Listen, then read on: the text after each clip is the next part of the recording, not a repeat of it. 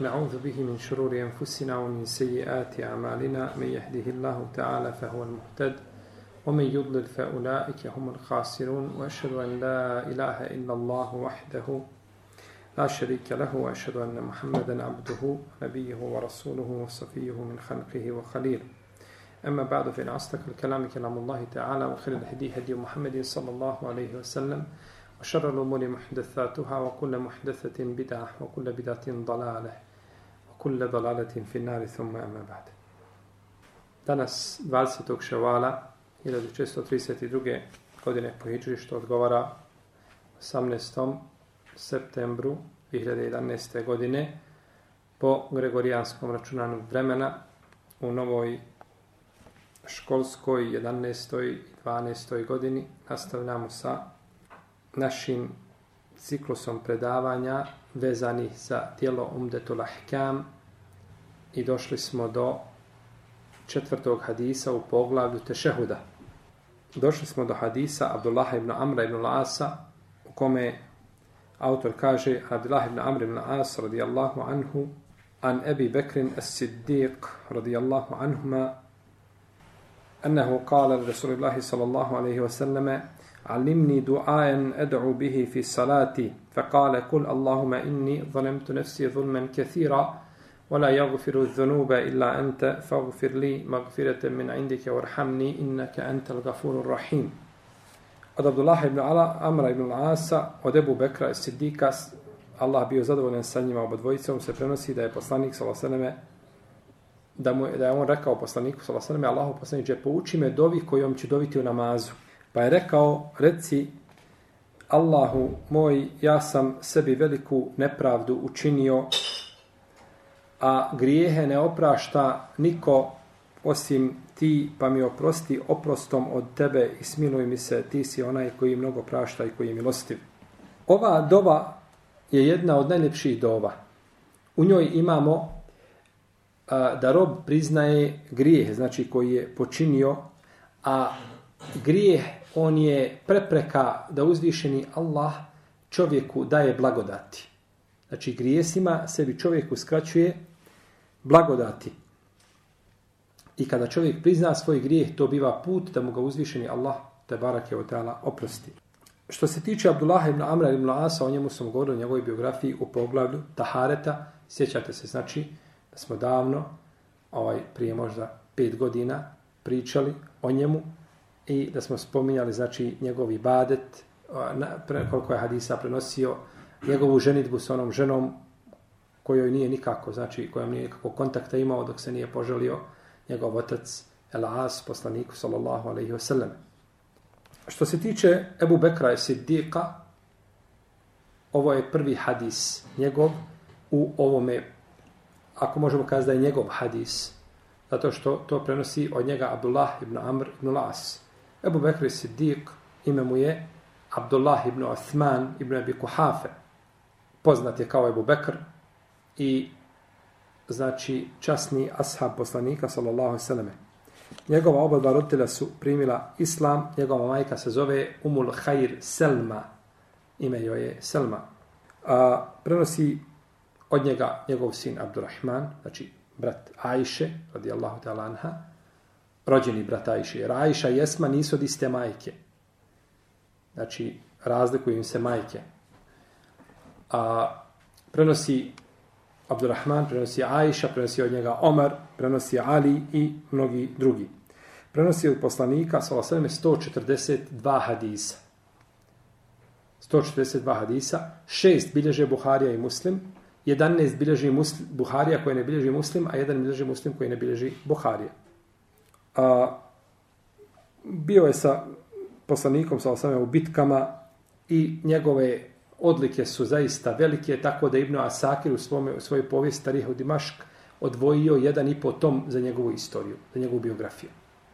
A, bio je na čelu muslimana 26 mjeseci. Znači nešto više od dvije godine je vladao a, kao prvi pravedni, kao prvi halifa ili halifa poslanika, sa ovo njega vladao je a, je nazvan halifa muslimana. Halifa tu Rasulillah. A prvi koji je dobio Emirul Mu'minin je bio Omar. On je dobio taj lekab ili taj znači epitet emirul mu'minin. A Ebu Bekru zvali halifatu Rasulillah sallallahu alaihi wa alihi wa sallame. Umro je 13. hijrške godine kada je imao 63 godine a i ukopan je u sobu sa poslanikom sallallahu alaihi wasallam. Od Ebu Davuda ima predaje od Ebu Horere da je poslanik sal sam rekao da je Ebu Bekr prvi ko će ući u džennet nakon njega.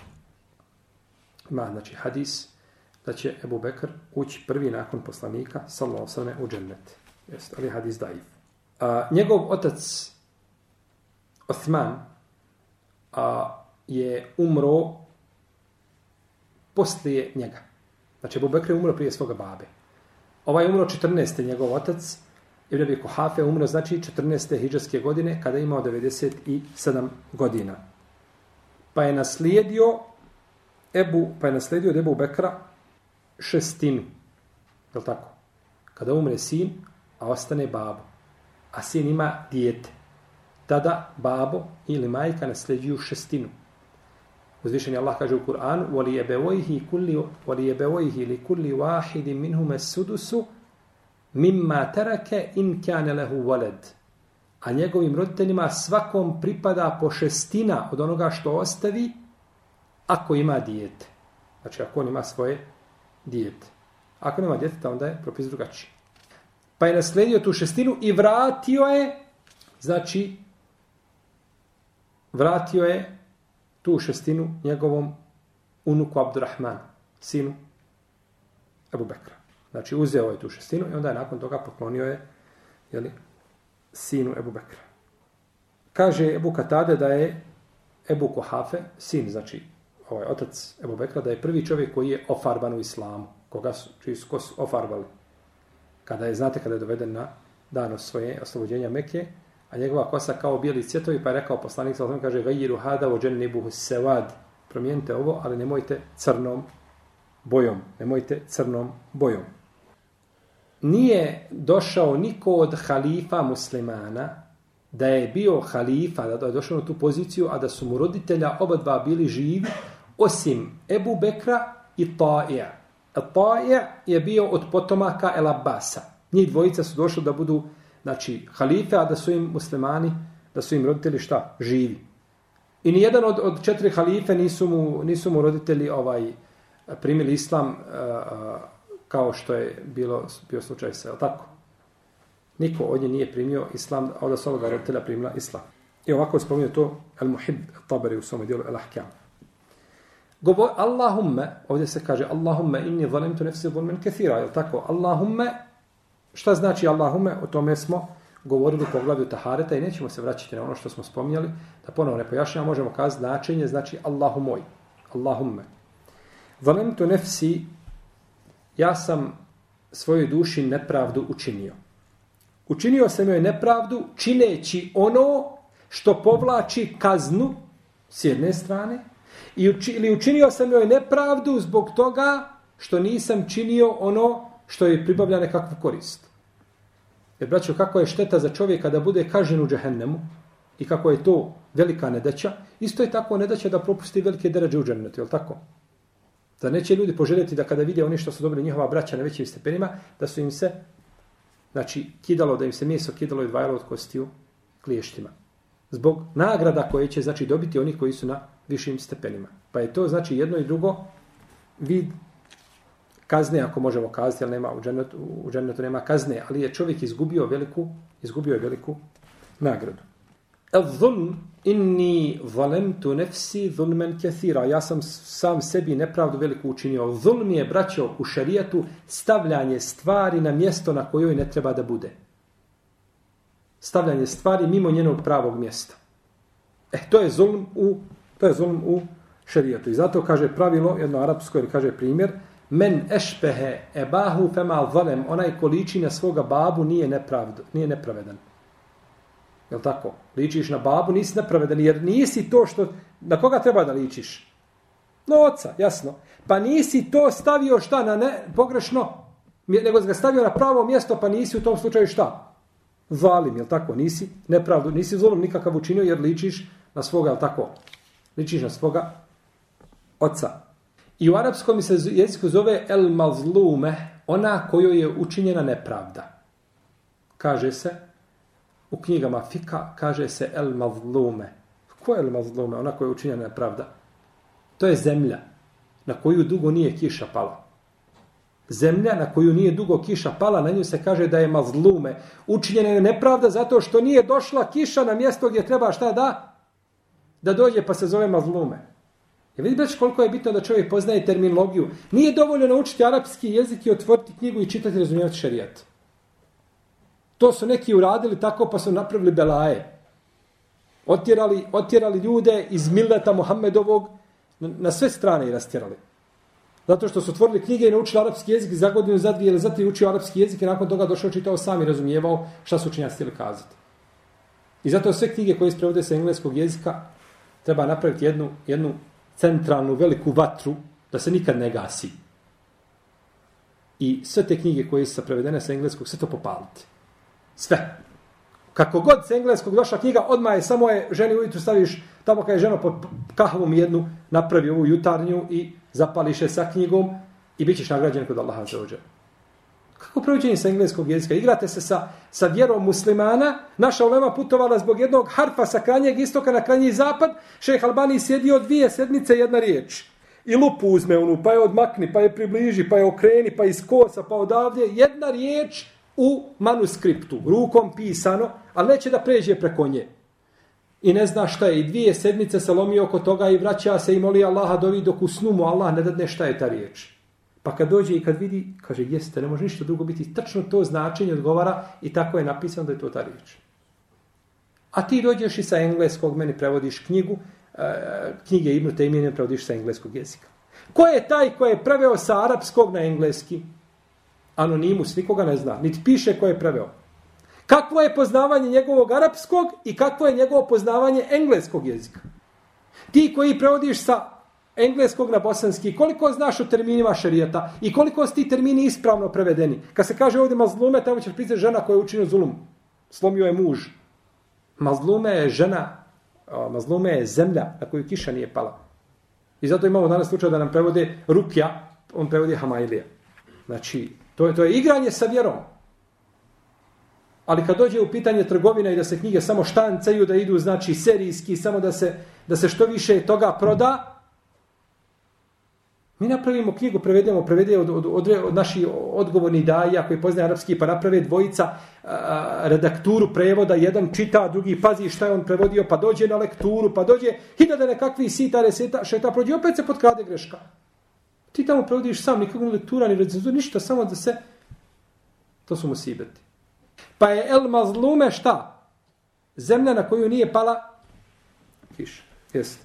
A, zulm u šerijatu ima, braćo, različite deređe. Najveća deređa zulma je širk. Pa potom dolazi nepokornost Allahu, veliki širk, potom dolazi mali širk, potom dolazi nepokornost koja sama u sebi ima šta? Različite deređe. Od harama, od velikih grijeha i onda među velikim grijesima tako razlika. Ha, Nisu svi veliki grijesi na istoj deređi. Imamo kamatu, imamo šta? Imamo nemoral. Šta je veći grije? Kamata. Po konsensusu uleme.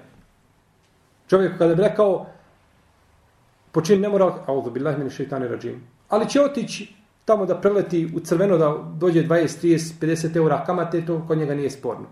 Pa ti su radio goru stvar nego ovaj vamo.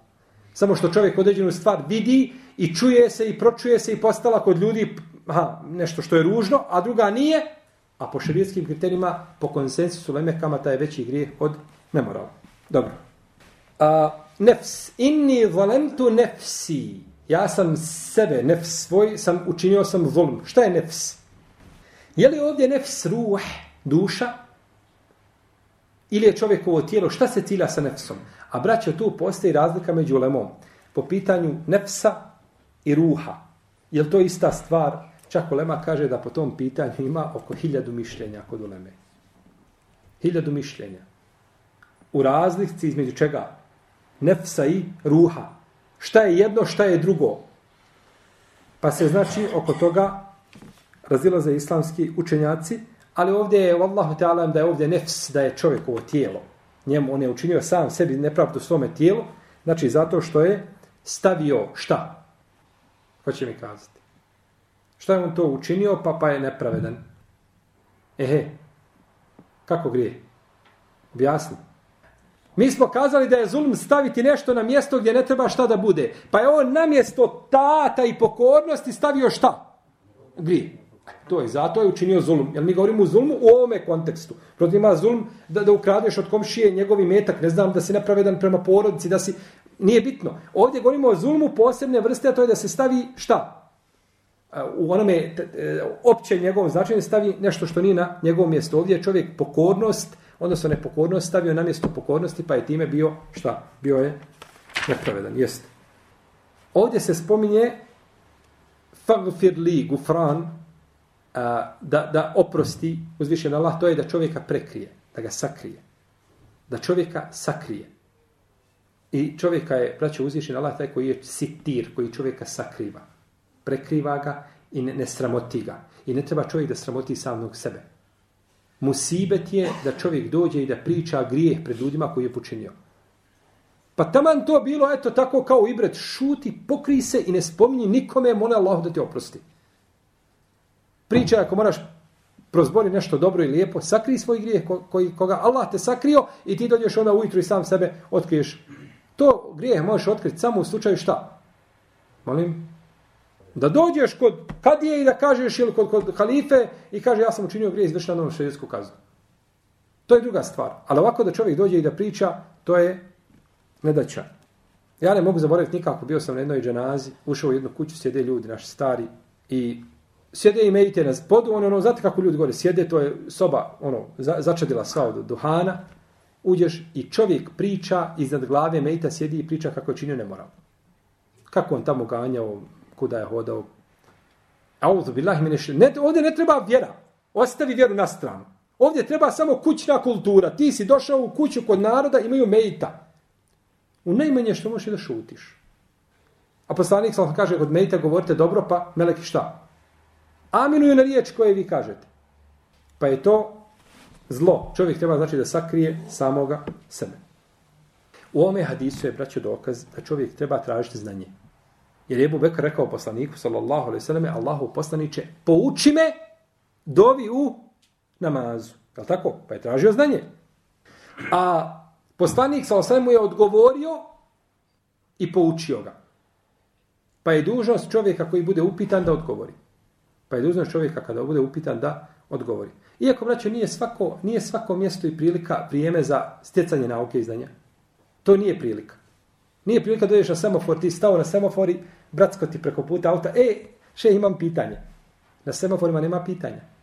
Semaforima se ne pita živio. Imaju predavanja gdje ima dođeš, sjedneš i, i sjedneš i slušaš i mnoge stvari koje ćeš htjeti upitati, nećeš ih pitati po semaforima i ispod tunela, nego ćeš pitati u džamiji gdje se pita i nećeš možda potrebno pitati ako slušaš, je tako? Jer ja vjerujem da svakome od vas u predavanju naiđe možda određena stvar koja, e, subhanallah, ovo sam ti, alhamdulillah, sam čuo. Nemam potrebe pitati.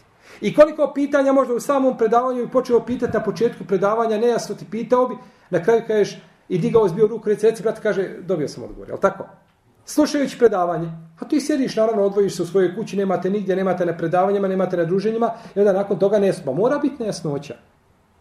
Čovjek se svaki dan druži sa ulemom i sa knjigama i sa ovim i sa onim ima tovar nejasnoća, pa što ti, kakve ti nejasnoće imaš koji ne znaš kako izgleda halka naučna, osim možda rijetko i tako dalje. To je, to je pogrešan ispravan čovjek, treba znači da preispita sebe i da, da, da, da se u tom kontekstu ili popravi.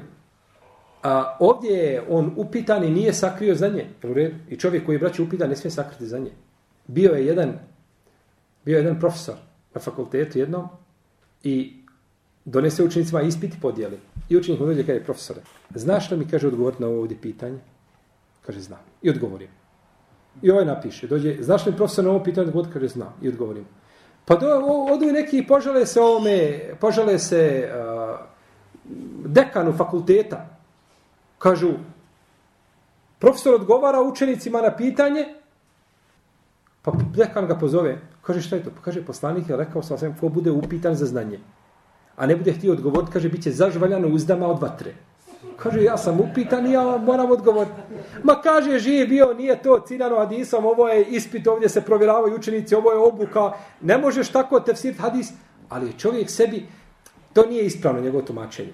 Ali meni je toliko drago kad vidim čovjeka da je tako čuo hadis, taman ga i pogrešno razumio, ali, ali on želi da se drži šta za? Hadis i to ne pušta jer se boji za sebe. Kaže, ja sam upitan i ja ne mogu, kaže, zakrizanje koje znam. Pa je odgovarao učenicima na pitanje. Yes. U ovome hadisu je, braće, dokaz da čovjek ne može biti čist od grijeha. Nema toga. Ne može, znači, čovjek biti nikako čist od grijeha, jer poslanik e, Islama, sallallahu je rekao istaqimu volen tuhsu. Kaže, ustrajte na pravom putu, kaže, a nećete pobrojati. Šta znači hadis? Ustrajte na pravom putu, a nećete pobrojati. Nećete pobrojati sve vrste istikameta. Znači, ustrajte i trudite se, ali koliko se god bude trudio, griješćeš. A što onda kako se ne trudiš? Istaqimu volen tuhsu. Wa'lamu ana khayra a'malikum as-salah. A znajte da je vaše najbolje djelo koje činite namaz. Znači ti ustraj na pravom putu maksimalno koliko možeš, ali nemoj očekivati da ja sam držao predavanje skoro u našoj braći koji je bilo u Tikafu, u džamiji. Ja sam došao i pričao sam, ne znam o čemu sam pričao, vjerujte. Na čemu sam pričao, uglavnom o, o, o čovjekovom stanju i halu i uglavnom Meni jedan brat dođe i kaže meni, kaže, ti to sad nama govoriš kada je pre zadnji dan, zadnja dva dana i tikjafa, kaže, sad nam to govoriš? Što kaže, mi smo, kaže, onda, mi smo griješni, mi smo, pa ti hoćeš, ti hoćeš, ti misliš sad kad ideš iz tikjafa da si izišao bez grijeha?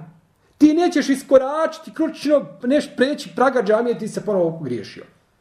I tako i ti i ja i svi. Mi Mi smo ljudi, mi nismo, Allah nije stvorio ovdje meleke da hodaju po zemlji, nego stvorio ljude. Benu, Adem, Bešar, hodaju po zemlji i griješe. Hoće očekivati ušao u džamiju, To je to je gurur, to je to je odžb, to je samo dopadanje, tu ideš u džamiju, budeš i kaf, ideš na polje, posmatraš ljude kao sa desetog sprata i gledaš ako si mali. Alhamdulillah, ja sam, mašallah te barakallah. Ma nisi ti ništa, ti si bio, ti si Allahu ibade činio, ali se spusti jer ne znaš ovaj kako će ti konačnica biti. I kaže poslanik sa osaname, "Kullu bani Adama khata wa khayrul khata'in at-tawwabun." Svaki sin Ademov je grešnik, a najbolji grešnici oni koji se kaju. Pa da nije čovjek grešnik, ne bi ovdje Allahu poslanik poučava koga Ebu Bekra da kaže šta, gospodaru, oprosti mi. Ebu Bekru. Pa Ebu Bekr griješnik isto, kao i drugi ljudi. Samo što mi ne podržavamo ilahije, pokaj se o Ebu Bekr griješniče. Jeste slušali te ilahije? Bolje vam je. Znači, čovjek hafiz Kur'ana iziđe i pjeva pokaj se o Ebu Bekr griješniče jer je ta ilahija naručena iz Teherana. Iz Teherana je naručena, jes. Nažalost. Ti pjevaj, pokaj se ti, o hafize griješniče. A nemoj postaje, ostaje Ebu Bekra na miru. Ebu Bekr nije nepogrešiv, niti je poslanik i rekao da niti on za sebe to da ne nepogrešiv. Ali pjevat tako Ebu Bekru, to je zulum prema, prema samom sebi i prema svim muslimanima. Dobro. Inni valemtu nefsi zulmen kethira. Ja sam sebe, kethir je u arapskom nešto puno. A u drugoj se predaj kaže kebira. I kebira je nešto veliko. Ja sebi veliki zulm učinio i učinio sam puno zulma. Pa je došla, e, rivajet je došao šta? U dva različita konteksta, sa dvije različite fraze. Puno znači obimno i veliko. Pa kaže, imam nevo i kaže, neka se koristi i ovaj i ovaj. Ali je ono što je došlo, jeste kesira, to je došlo i kod Buhari i kod muslima. U mojoj se predaj, kaže kebira. Pa možda je neko prenio ovu značenju. Tako da je bolje kazke sira, ako bi kazao čovjek je kebira, ne bi inšalav teala bilo u tome nikakve smetnje. La jagfiru zunube illa ente, ne oprašta grijehe niko osim tebe. U ovome dijelu hadisa je, braćo, priznavanje vahdanijeta Allahovog. Jednoće, ne oprašta grijehe niko osim ti. Znači, nema ni svećenika, ni, ni monaha, ni popa, ni hođe, ni ovoga, ni petog, ko može grijeh oprostiti, osim uzvišeni stvoritelj te barake o. Jedini. Pa je to priznavanje, znači, vahdanijeta ili njegove jednoće te barake o teala. Kaže uzvišeni Allah, alime enne lehu robben, jagfiru zemb, o jehudu bi zemb. Kaže, on zna da ima gospodara koji oprašta grijehe i koji kažnjava zbog grijeha, pa je uzvišeni Allah jedan jedini, znači u tom pogledu, i ne može niko drugi to činiti. Uzvišen je Allah u Kur'anu, te barak je u tala spomnio ovo, ovo značenje, pa kaže a وَالَّذِينَ إِذَا فَعَلُوا فَاحِشَةً أَوْ ظَلَمُوا أَنفُسَهُمْ ذَكَرُوا اللَّهَ فَاسْتَغْفِرُوا لِذُنُوبِهِمْ وَمَنْ يَغْفِرُ الذُّنُوبَ إِلَّا اللَّهُ وَلَمْ يُسِرُّوا عَلَى مَا فَعَلُوا وَهُمْ يَعْلَمُونَ Kaže, oni koji koji kada učine kakvo ružno djelo ili sami sebi nepravdu učine, sjete se Allaha, zatraže oprosta, a kaže ko grijehe može oprostiti osim Allah. Volem ju sirru ala ma fe'alu vohum ja'lemun i ne ustraju na tome grijehu koga čine, a oni znaju. Šta znaju? Da im nije dozvoljeno da ustraju u njemu. Je tako? Kao što je uzvišan Allah. Vala teđalu lillahi endaden wa entum ta'lemun. Nemojte Allah učiniti one, one prijatelje, širk, a vi znate. Šta znate? Znate da on nema ovaj nekoga koji je njemu ravan. Pa je spomenuo te barak otala ovo značenje. Pa je ovdje u ajetu pohvalio, pazite braći, ovdje u ajetu je pohvalio one koji traže istikvar. Walladine idha fa'alu fahishatan koji kada učine ružno djelo au zalemu anfusahum ili nepravdu prema sebi učine zakarullaha fastaghfiru li dhunubihim traže oprosta za svoje šta grijehe. Pa je ovdje a, spomenut oprost za grijehe i on je naređen indirektno. Ovdje je naređen indirektno. Pa je u ajetu oprost indirektne prirode, a, nije direktno, a u hadisu je direktno prost. I svaki braćo ajet u Kur'anu u kome se hvali onaj ko nešto čini, to mu je naređeno da čini. U svakom ajetu gdje je čovjek pohvaljen, pohvaljen je onaj ko nešto čini, to ti je naređeno da činiš. A svaki ajet u kome je pokuđen čovjek koji nešto čini ili osoba koja nešto radi, pokuđena je, to mu je zabranjeno da čini. Jel u redu? Pa ne mora doći uvijek ta naredba ili zabrana direktno, nego može ponekad doći šta i indirektno. Jeste. Može ponekad doći i indirektno. Ali pogledajte ovaj poredak u ome hadisu. Pogledajte ovaj poredak u ome hadisu. A, kaže prvo ovo, inni, ja sam učinio prema sebi veliku nepravdu. Prvo prizna čovjek grije. I to je Allahu vahdanijet. Potom traži magfiret. Potom traži oprost. Jer će tako mu biti lakše oprošteno. Je tako? Potom pohvali stvoritelja. Kaže, vola jagfiru zruba ila ente. Niko ne oprašta grijehe do tebe. A prije, i onda inneke entel gafu, inneke ente El Gafurur rahim, ti su onaj koji mnogo spomene njegova lijepa, lijepa svojstva. Pa je došao, znači, poredak ovdje, kako može biti, znači, u najljepšem kontekstu. Kao čovjek kada došao nekome i dođeš kod, kod bogataša nekog, a biznismena kada je slušao živio, da nije uzvišenog Allaha, potom da nije vas, dobročinitelja i dobri ljudi koji pomažu Allahu u vjeru, koji grade džamije i koji, neka, dostani koliko treba. Je tako? Nemoj dalje pričati, reci koliko treba i dobit ćeš. Kada ga, tako i ovdje stvoritelja Tebarak je Oteana, ovaj čovjek pohvali, znači, lijepim svojstvima i zato, braćo, kada čovjek čini dovu, ne treba da do, Allahu dragi izbavim iz ove teške situacije.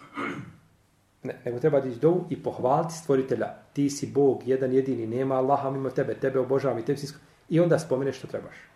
Pa je to sunnet znači u dovama, da čovjek prvo pohvali stvoritelja, te barake, o teala, pa tek onda da traži, a ne da direktno, to je to je direktno, znači samo trebam ja to uradim, ispunim to gospod, nego pohvališ svoga stvoritelja za ođel i to je znači to je put da dobiješ ono što tražiš. Put da dobiješ ono što, što tražiš. Pazite, ovdje ima jedna lijepa stvar u hadisu. A, neka ulema kaže, bolje je kazati, gospodaru moj, oprosti mi, nego da kažeš, oprosta tražim i tebi se kajem. Pazite, neka ulema kaže, bolje je kazati, gospodaru moj, oprosti mi i primi moje pokajanje, nego da, ta, nego da kažeš, gospodaru moj, od tebe oprosta tražim i tebi se kajem. Zašto? Kažu, ti kada kažeš od tebe oprosta tražim i tebi se kajem, možeš biti neiskren, neistinit, je li tako? Jel može biti čovjek? Može da to samo kaže šta? Jezikom svojim kaže, a u stvari sumnja hoće li biti do toga neće. Ali kad kažeš gospodar moj oprosti mi i primi moje pokajanje, e tada je drugačija priroda. U tom slučaju ne može biti neiskren, ne može biti neistinit. Pa je tako Arabija ibn Hajsem, on je rekao od naših učenjaka, kaže, bolje je kazati ovo drugo. Imam nevo i kaže, ovo je značenje lijepo. Ali, ali ovo mišljenje nije, nije, nije jako. Ovo mišljenje znači nije, utemeljeno, nije jako. Uzdiš, e, poslanik sam kaže u Adisu, estagfirullahu, estagfirullah alladhi la ilaha illa huwa hayyul qayyum. A kaže od Allaha oprosta tražim, pored koga drugog Boga nema, wa etubu ilayhi i njemu se kaje. Tako da, da nema se, kaže, ko kaže ovu dovu, bit će mu, kaže, oprošteno taman, pobjegao sa bojnog polja. A vi znate da je pobjeg sa bojnog polja šta? Odmaga. Tako. da ga, da, za, svaki, za svaki slučaj, ali tako? Ovaj, znači, to je veliki grijeh. Pobjeći, braćo, sa polja je sedam velikih grijeha koji su pomenuti, znači, u hadisu poznatom. Dobro. Kaže, ovo ko kaže, estagfirullah, alladhi la ilaha illa huwa al-hayyul qayyum wa atubu ilayhi ko kaže ovu dovu Allah će mu oprostiti grijehe taman pobjegao sa bojnog polja. Jer ovo je teoba, a teoba briše šta? Koje grijehe? Velike grije, dobro i širk svakako, ali velike grijehe. Teoba biše sve grije. Jeste. I ovako priže Abu Daudu svome sunenu sa dobrim lancem prenosilaca. Magfire termina indik. Oprosti mi oprostom od tebe. Pa dobro, oprosto. Hoće li biti od drugog mimo Allaha? Zar ova riječ onda od tebe nije dodatak koja nema značenja? Oprosti mi oprostom od tebe. Oprosti mi oprostom. Oprosti mi. Što oprostom od tebe? Pa neće oprosti. Ja sam se obratio tebi, gospodar moj, i ti si jedan jedini Wala yaghfiru dhunuba illa ant, niko ne oprašta grijehe do tebe, što onda kažemo oprosti mi oprostom od tebe. U arapskom jeziku znači nema viška riječi. Mi kada pričamo možemo kazati jednu, jednu, jednu stvar, pa okrenemo, priđemo s druge strane, pa malo filozofski to. U arapskom jeziku toga nema. Sve što možeš kazati sa dvije riječi, ne smiješ kazati sa tri. Odmah to ljudima para uši. Onima koji znaju arapski jezik. A onome ko ne zna, ne mislim na ljude, Arape koji ne znaju arapski jezik. Arapi u svakoj, greški, u svakoj riječi napravi... Ja sam sjedio braću u grupi sa 12 Arapa i postavljaju mi rečenicu, rekao kako je ispravna rečenica, ovako i ovako, i složili se na neispravnom. Njih koliko je bilo, svi se složili na neispravnom. Da li se kaže raeitu ređulani ili raeitu ređulejni? Ređulani i ređulejni znači samo je ovaj, eh, jeli, u kom padežu dođe ovaj riječ, oni svi rekli raeitu rađulani, što je pogrešno. Nego treba reći, znači, ljudi su Arapi, ali ne znaju arapski jezik. I zato kad pričaju, znači, u kom će to licu staviti, kako će to okrenuti, ovaj glagol i, i, i da li će staviti fetfu mjesto dame i kjesru mjesto fethe i tako dalje, to je kod njih, znači, ovaj, običajna stvar. Ne, ne, ovo ovdje ima značenje. Poslanik, sal sam, nije kazao jednu jedinu riječ, da ona nema značenje, da nema, znači, poruku. Oprosti mi oprostom od tebe. Ovdje imamo dva tumačenja. Dva mišljenja. Prvo mišljenje je oprosti mi oprostom od tebe potvrda. Oprostom od tebe. Ti ćeš to meni dati. Ti. Pa sam s onim ti potvrdio šta? Prvo ti. To je potvrda. Kao ja sam ubijeđen, to ćeš ti za mene uraditi. To je jedno tumačenje. I ono je slabije. Ima drugo koje je bolje. A to je oprosti mi oprostom od tebe kao tvoja dobrota, ja to nisam zaslužio. Ti mi oprosti šta oprostom od tebe, hoćeš kazati, ja to nisam zaslužio, gospoda moja, s tim, najmanje koje to zaslužio sam ja, ali ti to meni oprosti od tebe. Kao kada ti kažeš svome bratu muslimanu, slušaj, ovaj, kažeš mu, ja ću, ja ću ti nešto dati od sebe. Je on to zaslužio? Je li? Nije, pa ne bi ti rekao od sebe. Ja ću to dati, nije problem ti što zaslužuješ. Ali kažeš, ja ću to dati od sebe, kao ovo ti je od mene hedija. Jel u redu? Razumijete razliku riječima? Ja to dati od sebe, znači nisi ti to zaslužio. I to je tumačenje ovdje puno bolje, znači sa stilističkog aspekta, puno je, znači, ovaj upečatljivije i jače da se kaže, ne, time se ciljevo, oprosti mi, gospodar moj, oprostom od, od tebe, jer ja taj oprost ne zaslužujem ničim ka mojim dijelima ni bilo čime. I ovo je rekao u ovome kontekstu nešto kazao Ibn Džouzi i druga ulema i Allahu ta'ala alem da ovo mišljenje da je jako i da ima svoje i da ima svoje mjesto.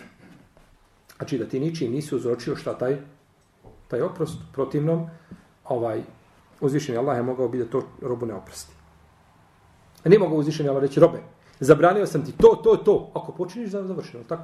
Neću da pričam nikako više, s tobom nemaš mi se potrebe kajati, u džahennem ćeš i završeno, ja sam te upozorio, ja sam završeno. Ne. Oprosti mi oprostom od tebe zato što ti znaš moju slabost, a ja ne mogu zaslužiti tvoj oprost nikada svojim djelima. Warhamni ismiluj mi se, rahmet, jeli, od svoj stava Allahu i te barake o teala. Ovdje je došlo, braćo, prije, oprosti mi i smiluj mi se. Pa je smiluj mi se jedno novo značenje.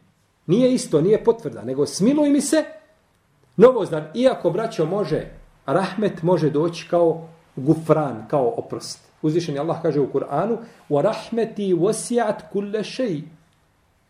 I moja milost je obuhvatila sve, misli se na oprost. Moj oprost obuhvata sve. Oprostit ću svakome ko mi se iskreno, jeli, ko mi se iskreno pokaje. Pa je ovdje rahmet jedno dodatno znači značenje ovaj od, jeli, kao blagodat ljudima. Uzvišeni Allah u Kur'anu kaže Yusikum Allahu fi euladikum li zekari mislu hazir unsejajni. Allah vam oporuku čini kada su u pitanju vaša djeca. Muškom pripada duplo kao žensko. Kaže neka ulema, iz ovoga ajeta zaključujemo da je Allah milostiviji, kaže, ljudima od njihovih roditelja. Kako? Kaže uzvišeni Allah, kaže Allah vam oporuku čini kada su u pitanju šta vaša djeca. Allah tebi čini oporuku za koga? Za tvoje dijete. Jel u redu? Znači, uvijek čini oporuku onaj koji više voli od onoga šta koji ti krenu na put. Krenu ti na hač. Evo, vidim da ćemo imati onaj koji ide na hač. I ostadaš svoje dijete kod sestre ili kod tetke ili od komši i kažeš, molim te, pazi mi na dijete. Jel u redu? A kada kreneš ti na put, kažeš li svojoj ženi, molim te, pazi mi na djecu. Pazi mi na dijete. Pa ona bolje njega pazi dva puta nego ti. Milostivija prema njemu više nego ti. I, i, i neprespavanje noći ima sa njim više nego... Ha. Znači, ne oporuka se ne čini onome ko više voli. Nego oporuku čini onaj ko više voli onome koga manje voli. Pa dok Allah nama oporučuje našu djecu, znači on više voli znači nas, odnosno više voli znači našu djecu od nas sami. Pa je milostiviji rodite ovi, ovi djeci od njihovih roditelja prema njima. I zato je Budarda govorio, volim, kaže, više da mi presudi moj gospodar, kaže, nego moji roditelji. Jer tvoj roditelj gleda isključivo materijalnu korist. On važe dinari, dirhem, stavio na vagu i gleda. Je tako? Jer roditelj ne zna šta će biti od gajb stvari. Allah tebi sudi i odlučuje ono što je za tebe dobro prvenstveno za tvoj ahiret. Jer dunjaluk će onako proći kakav god da bio. Pa da Allah čovjeku presudi, to je bolje nego da mu sude njegovi, nego da mu sude njegovi roditelji. Dobro, Uzvišeni Allah kaže, hajmo da potvrdimo ovo značenje, da ne bi nekome ostalo u srcu, ništa. Wahuwa arhamur rahimin, kaže, Allah je od milostivih najmilostiviji. Jesu roditelji milostivi? Pa jesu. Ali on je od milostivih najmilostiviji. Jel da nema onda šubhe nikakve sumnje da je Allah milostiviji nama od naših, od naših roditelja. Inneke entel gafuru rahim, ti si taj koji, u istinu si ti taj koji mnogo prašta i koji je milostiv. Ovdje je došlo, pazite braću kako je došlo. Hajde sad da uporedimo ovaj, kako, subhanallah, kako ove su riječi kazane. Poslanik sa sam nikome ovu dovu prije toga nije kazao. Evo kaže, pouči me dovi. Odma mu je govori iz usta. Četvrlo što smo juče spomnili na predavanju, da niko poslanika sa sam nije uhvatio da, da ga upita nešto da on stane i da ne može odgovoriti. Ovdje kad je debe pouči dovu, kaže, reci, Allahume inni zalemtu nefsi zulmen kathira, wala jagfiru dhunuba illa ent, fagfir li maghfiratan min indike warhamni. Šta kaže? Allahumma inni zalamtu nafsi zulman kathira wala yaghfiru dhunuba illa anta. Fagfir li oprosti mi maghfiratan min indike oprostom od tebe warhamni. Pa je prvo rekao oprost pa onda šta? Rahmet. Prvo tražiš oprost pa rahmet. Kaže ovdje na kraju hadisa inneke entel gafuru rahim. Ti staj koji mnogo opraštaš i koji si milosti. Pa ovdje kako je došlo to Ovdje tražiš ti oprosta, pa tražiš milost. Na kraju se hadisa kaže, ti si taj koji mnogo praštaš i koji si šta. Pa je došlo jedno nasupro drugog. To je, braća, u Kur'anu ima i razlik, različito. U Kur'anu se kaže ovako. Fe minhum šakijun wa sa'id. Od njih ima a, oni nesretni i sretni. Fa emmel ladhine šaku pa što se tiče oni koji su nesretni. Pa onda spominje, pa onda spominje sretne. A ima i obratno da se spominje prvo ono zadnje što je spomenuto, da nakon njega... Ja razumijete što ja govorim? Bojim se da ne razumijete. Znači, kaže se, feminhum šakijun vo sa'id, među njima ima nesretnih i sretnih. U redu, to je ajet. Pa se dalje nastavlja. Fe emmel ledine šaku, a što se tiče nesretnih, koji su oni spomenuti? Prvi ili drugi nesretni? Prvi. Prvi. I onda ja spominjem, vraćam se na prvog, pa objašnjavam ko je prvi. Ne, u Kur'anu može biti drugačije. Može biti da spomene jedan pa drugi pa počnemo drugog. Uzvišeni Allah kaže Jaume tabjeddu vuđuhun wa tesveddu vuđuh. Na dan kada će neka lica a, bijela biti, a neka crna. Pa bi trebao čime početi? Sa bijelima, ne. Ajet počinje sa crna. Fa emmel alladhina svedu, ha, a što se tiče oni čija su lica crna. A kefartum bade imanikum, zar ste kufr počinili nakon vjerovanja? Ha, pa je počeo sa, To je sve stilistika, znači u izražavanju shodno, znači kontekstu u kome dolazi i zato je Kur'an znači došao svakim harfom da bude jel, na njegovom mjestu koje zaslužuje. U svakom slučaju može doći u ome ili u onome kontekstu. Dobro, znači u ome hadisu nije spomenuto gdje se ova dova uči. Kaže se, pouči me dovi u namazu, je tako? Uh, pouči me dovi u namazu, pa ga je poučio ovoj dovi, ali nije spomenuto gdje. Znači, gdje ćeš je učiti? Pa se ulema razišla. Neki kaže uči je na seđdi, a neki kaže uči je na kraju namaza. Pred sami selam. Jer su to dva mjesta u namazu gdje je šta dozvoljeno? Dova, gdje je dozvoljeno dova da se dovi na razne načine. Znači. Pa se razišli, znači, pa neki kažu, poslanik je rekao da je čovjek najbliži kada je Allahu, kada je jel, na seđdi. Ovaj, drugi kažu, ne, ovo će se učiti na kraju namaza. Znači, razilaženje među islamskim učenjacima, ali je za kraj namaza, kaže potom neka dovi čime želi. Kada prouči ono što treba proučiti, znači tešehud, salavate, utoči se četiri stvari, potom kaže neka dovi čime želi da dovi. Pa može doviti, znači ovom dovom. Ali imamo braće imama Buhariju, u svome Sahiju, i Nesaju, i Bejheka i druge stavili su ovu dovu u poglavlje dova pred selam. Dova pred selam. Pa je najpreće da se ova dova, da se na njom dovi pred selam, ovaj i imam ne je podržao ovo, ovo mišljenje, kaže to je mišljenje ispravno. Da dođe pred selam, ona je najpreča. Kad bi bila na seždi, ne možemo prigovoriti. Ali sljedeći ovu lemu, najbolje da ona bude znači pred selam. Neki kažu ne na seždi. Dobro, zašto na seždi? Kaže zato što je sežda ruk namaza bez razilaženja, a oko tešehuda ima razilaženje. Pa je bolje da bude tamo šta gdje je, gdje nema nikakvog razilaženja. I ome hadisu je dokaz da čovjek treba Allahu te barek da da, da ga pohvali onim čime je opisao sebe. Da je on El Gafur Ar-Rahim, da ga znači time pohvali. Ovim smo završili, braćo, peti hadis, znači na brzinu ja sam nastojio da, da, da ga završim, on je zaista jedan lijep hadis i ovaj ne treba ga, ovaj, e, treba mu posvetiti pažnju, ali sam požurio, nama je ostao još jedan peti hadis, kratak hadis, nećemo uzeti više od 5 minuta. Ja bih zvonio sam da strpite 5 minuta da završimo ovo poglavlje, ali ide nakon toga poglavlje vitra pa da ne bismo ostali ovo poglavlje, jedan hadis 5 minuta, pa naredni put nastavili znači pričati da završimo poglavlje.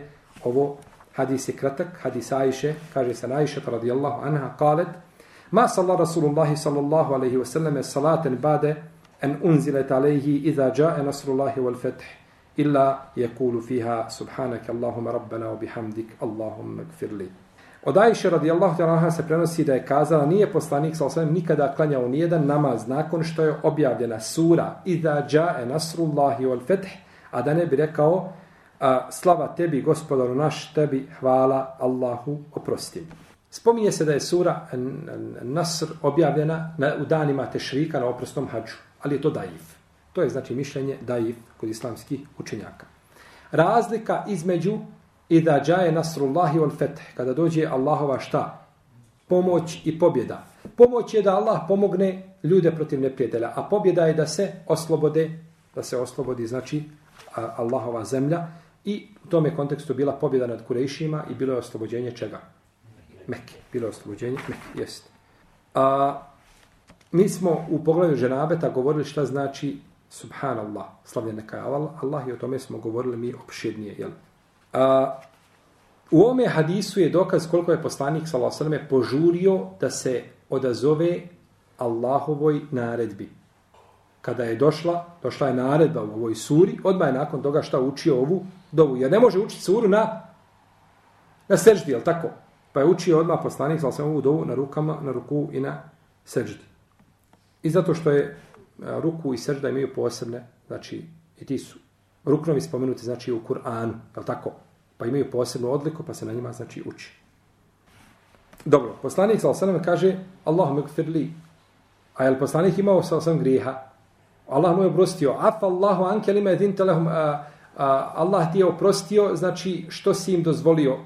Jeli, Allah je oprostio lijagfir laka ma taqaddama min dhanbika wa ma ta'akhkhar da ti oprosti ono što su učinio prije, priješnjih prošlih, post, onoga što ćeš učiniti od propusta.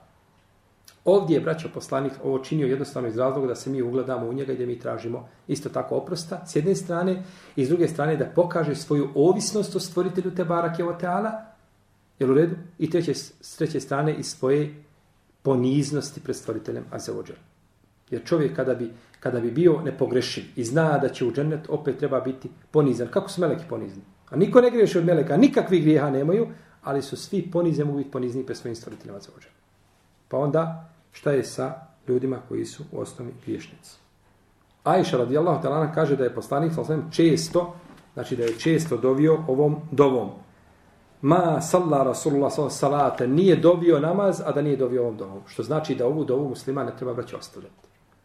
Subhanak Allahumma rabbana wa bihamdik, Allahumma gfir li, ne treba znači tu dovu da ostavlja nikako u namazu. Ovo je bilo nešto ukratko tome hadisu. Ima ovdje možda još nekakvih e, momenata vezani znači za dovu na ruku i na seđdama. Došlo su posebne dove sad da ne govorimo znači gdje je dova vrednija. U svakom slučaju ovo je bilo nešto ukratko znači samo e, da, da, da završimo ovaj hadis jela Aisha radijallahu ta'ala anha i ove dvije dove su braće velike. Ja bih zamolio prisutne i oni koji nisu ovdje a čuju to da nauče ove dvije dove. Da nauče ove dvije dove i da ih nikada ne ostavite da ih nikada ne ostavite, znači ove su dvije velike dove, ovaj, i, i kada čujemo njihova značenja i vidimo ovaj hadis Sebu Bekra kako je došao, u kakvom je kontekst, kako je kazan, mislim da naučimo samo ove dove i da ih praktikujemo nazad, da nam ništa više ne treba. Da smo, stvari, jeli, da smo veliku stvar učinili. Treba nama mnogo toga, ali smo veliku stvar učinili ako budemo praktikovali. Pa ja bih vas zamolio, a ako neko hoće da, da se ovo napiše, da napišemo nekome, nije problem, neka dođe, ja sam tu, u svakom slučaju da uzmete snimak pa da naučite ove dove, to je za vas korisno i imat ćete veliku nagradu jeli zbog zbog učenja ovih dova namazu. Wallahu ta'ala alemu, sallallahu ala nabina Muhammed ala alihi wa sallam.